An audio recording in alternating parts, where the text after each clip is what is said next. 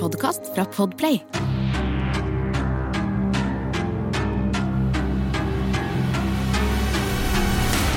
Hei og velkommen til Forsvinningsfredag podcast.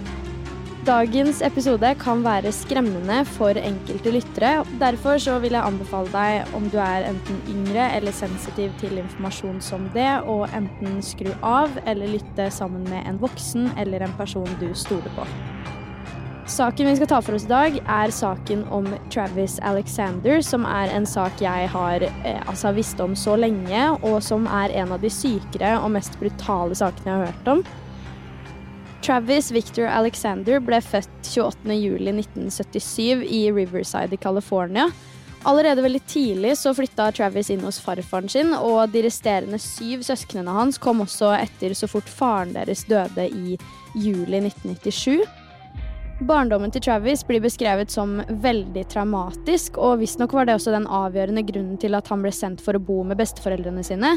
Men hvorfor de syv resterende søsknene ikke kom samtidig, det har jeg ikke funnet noe om.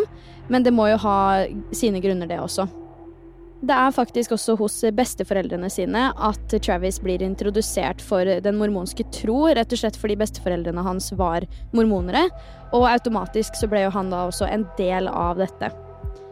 Etter hvert som Travis blir eldre, så utvikler han seg også til å bli en veldig veldig dyktig selger, og begynner å jobbe som både selger, men også motiverende foredragsholder. I jobben hans er han jo da også nødt til å reise på en rekke konferanser, og det er her han skal møte sin fremtidige kjæreste, nemlig Jodi Ann Arias. Under en konferanse i Las Vegas i september 2006 så møtes Travis og Jodi for aller første gang, og alle de var der med, forteller at eh, det var en umiddelbar gnist mellom de to. Vi er nødt til å ta en nærmere titt på Jodi. For Jodi Ann Arias ble født 9.07.1980 i Salinas i California. Jeg eh, tror det er sånn du uttaler det. Hun jobba på tidspunktet som servitør på en veldig travel restaurant, men var også hobbyfotograf på siden. Som sagt så var det jo umiddelbare gnister mellom Jodi og Travis, og de innleda et forhold veldig raskt. Og det blir beskrevet som veldig intenst, og det gikk fort i svingene. Allerede i november 2006, to måneder etter at de ble kjent, så meldte Jodi seg faktisk inn i den mormonske kirken som Travis var en del av. Og litt senere i november så blir hun faktisk døpt. I februar 2007 så blir Travis og Jodi offisielt et par, og det er også verdt å nevne at Travis gikk imot alle sine mormonske verdier, spesielt når det kommer til det her med sex før ekteskap og sånne ting, og det nyforelska paret hadde også et helt perfekt forhold til hverandre sett fra utsiden. De var stormende forelska, og Travis hadde også skrevet i en mail til kompisen sin at eh, det ikke er noen hemmelighet at den som kaprer Jodi, om så det var han eller noen andre, kommer til å vinne i konerollen lotteriet. I sosiale medier så posta de også en hel rekke bilder av det tilsynelatende perfekte forholdet deres. I lang, lang tid hadde de to et eh, langdistanseforhold også, og det var på intet mindre enn fem og en halv time hver vei i bil. Og til tross for at alt så perfekt ut fra utsida, så tok det faktisk bare fem måneder før forholdet deres tok slutt. Årsaken til det her skal ha vært at eh, Travis var dypt religiøs og hadde store forhåpninger og tanker om hvordan hans fremtidige kone skulle være, nemlig en ren, jomfru mormonjente. Det var veldig viktig for han å bevare de mormonske verdiene sine, men eh, som nevnt tidligere så brøyt han jo de så fort han møtte Jodi, og da ble jo hun på en måte eliminert fra å være det som kunne være hans fremtidige kone, da. Underveis i forholdet så hadde faktisk venner til Travis uttrykt at de syntes at Jodi var veldig kontrollerende, manipulerende, skulle alltid bestemme over han og velge hvem han skulle prate med, hva han skulle drive med på fritida og sånne ting som det. Og det sies også at Travis veldig jevnlig gikk til kirken for å uttrykke hvilken skam han følte overfor forholdet, og ba om tilgivelse for at han hadde brutt sine mormonske verdier, da. Samtidig så sitter jo Jodi hjemme og aner ingenting om hvordan Travis føler det overfor forholdet, for hun trodde jo at han var veldig svak for hun, for det hadde han vært over lang tid. Men det er også der han møtte på konflikter i forbindelse eller i forhold til religionen sin.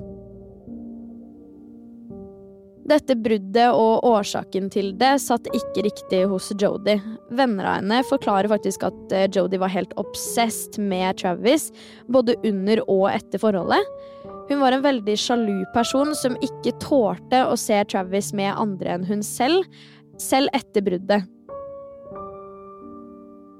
Jodi ender da opp med å sette seg i bilen og kjøre til Mesa, der Travis bodde, for å flytte dit.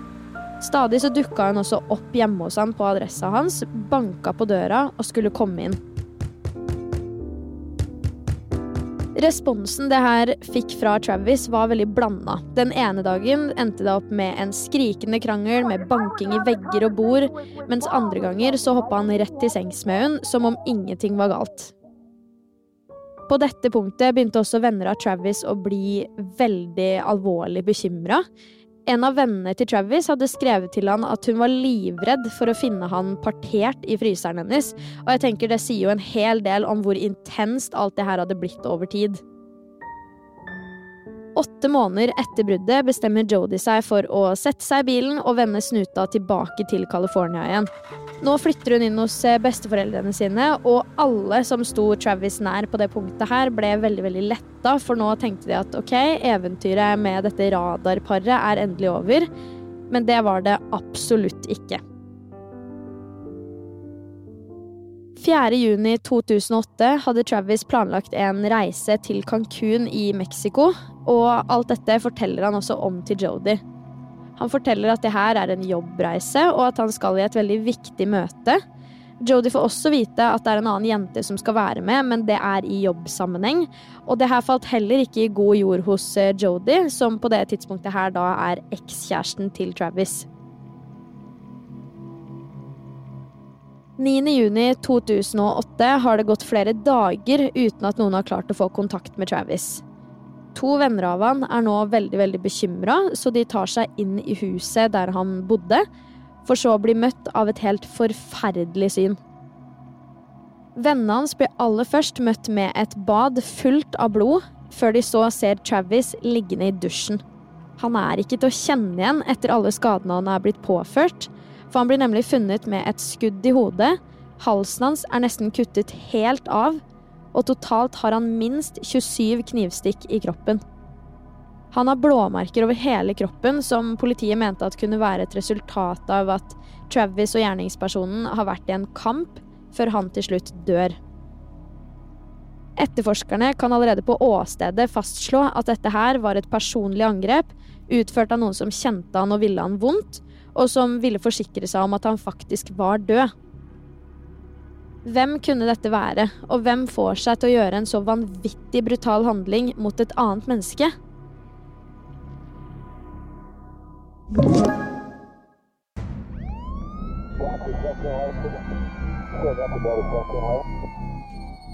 Politiet må umiddelbart begynne med det som helt åpenbart blir en drapsetterforskning. Innledningsvis finner de faktisk ikke Jodi, men noen dager senere blir hun funnet og avhørt med en gang. I de første forklaringene hennes forteller hun at hun ikke engang var i huset den dagen. Men så tar det ikke så veldig lang tid før hun endrer forklaringen sin til at jo, hun var der, men det var maskerte menn som tok seg inn i huset og utførte det groteske drapet. I samme forklaring forteller hun også at hun syns det er et under at ikke også hun ble et offer. Naturligvis så kjøper ikke politiet den forklaringen her i det hele tatt, og på spørsmål om hvorfor hun ikke meldte ifra til politiet når de maskerte mennene tok seg inn i boligen, så forteller hun at hun var livredd og rett og slett ikke turte. Forklaringene Jodie avgir, får hun sikta for drapet på Travis Alexander, men til tross for det her så nekter hun straffskyld, selv om motivet er soleklart. Politiet har til og med klart å finne Jodis blod inne på åstedet sammen med blodet til Travis. De finner også fingeravtrykk på åstedet og lange, brune hårstrå i dusjen, som passer beskrivelsen til Jodi helt perfekt. På vaskemaskinen inne på badet finner politiet et kamera som skulle vise seg å være Travis sitt, men dette kameraet og innholdet på det er veldig interessant for etterforskningen. De finner nemlig bilder av at Jodie og Travis har sex bare noen timer før drapet, og de finner også bilder av Travis hvor han dusjer. Det er kun på ett av disse bildene at det er åpenbart at Travis ser at han blir fotografert. Det bildet her er så skremmende fordi han ser direkte i kamera bare noen sekunder før han skal bli drept. Til og med etter drapet er det tatt bilder med det kameraet her, hvor vi kan se blodbadet få minutter etter at han er blitt drept. Hvem har tatt disse bildene, og hvorfor?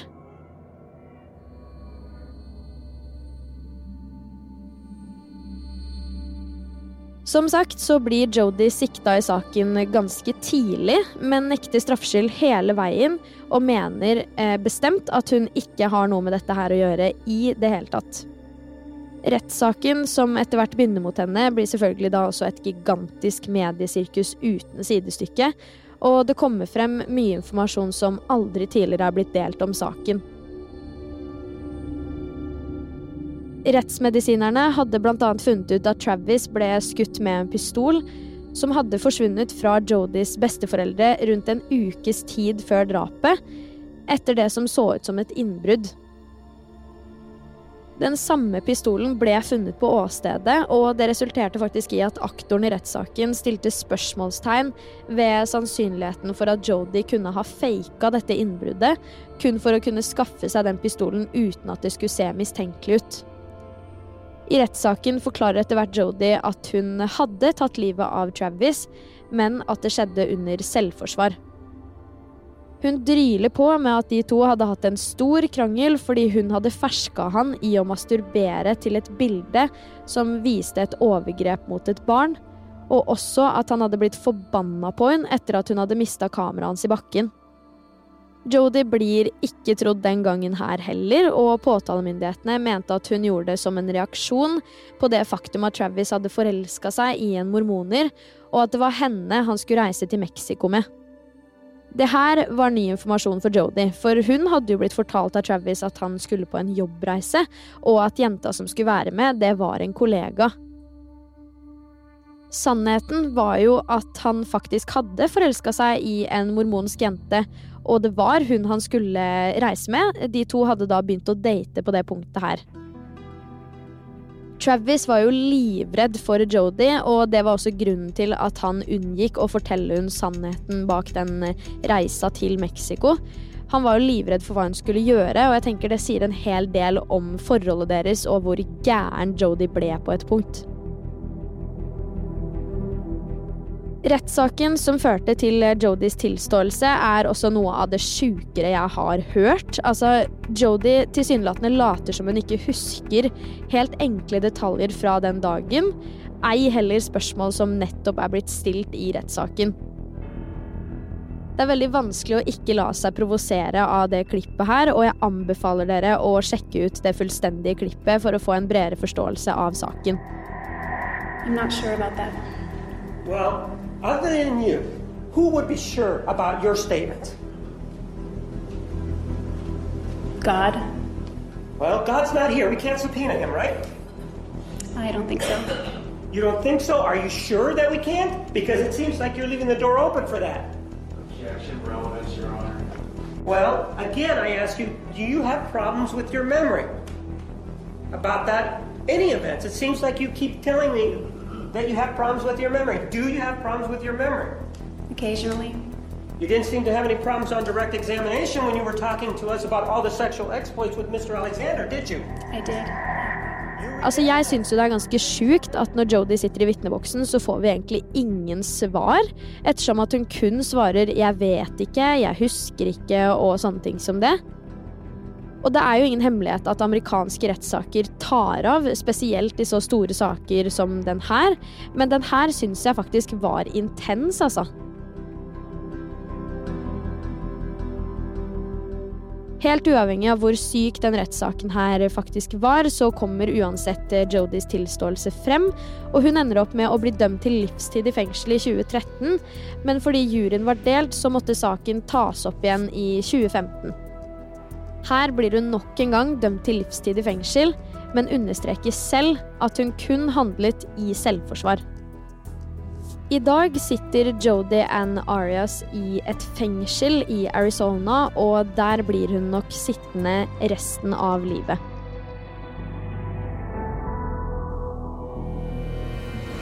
Du har hørt Forsvinningsfredag podcast med meg, Sara Høydahl. Og dersom du har lyst til å sjekke ut flere saker, så kan du sjekke ut min YouTube-kanal under samme navn som meg sjæl. Hvis ikke så kommer det uansett en ny Forsvinningsfredag podcast-episode allerede neste fredag. Og i mellomtiden, ta vare på deg selv. Du har hørt en podkast fra Podplay. En enklere måte å høre podkast på. Last ned appen Podplay, eller se podplay.no.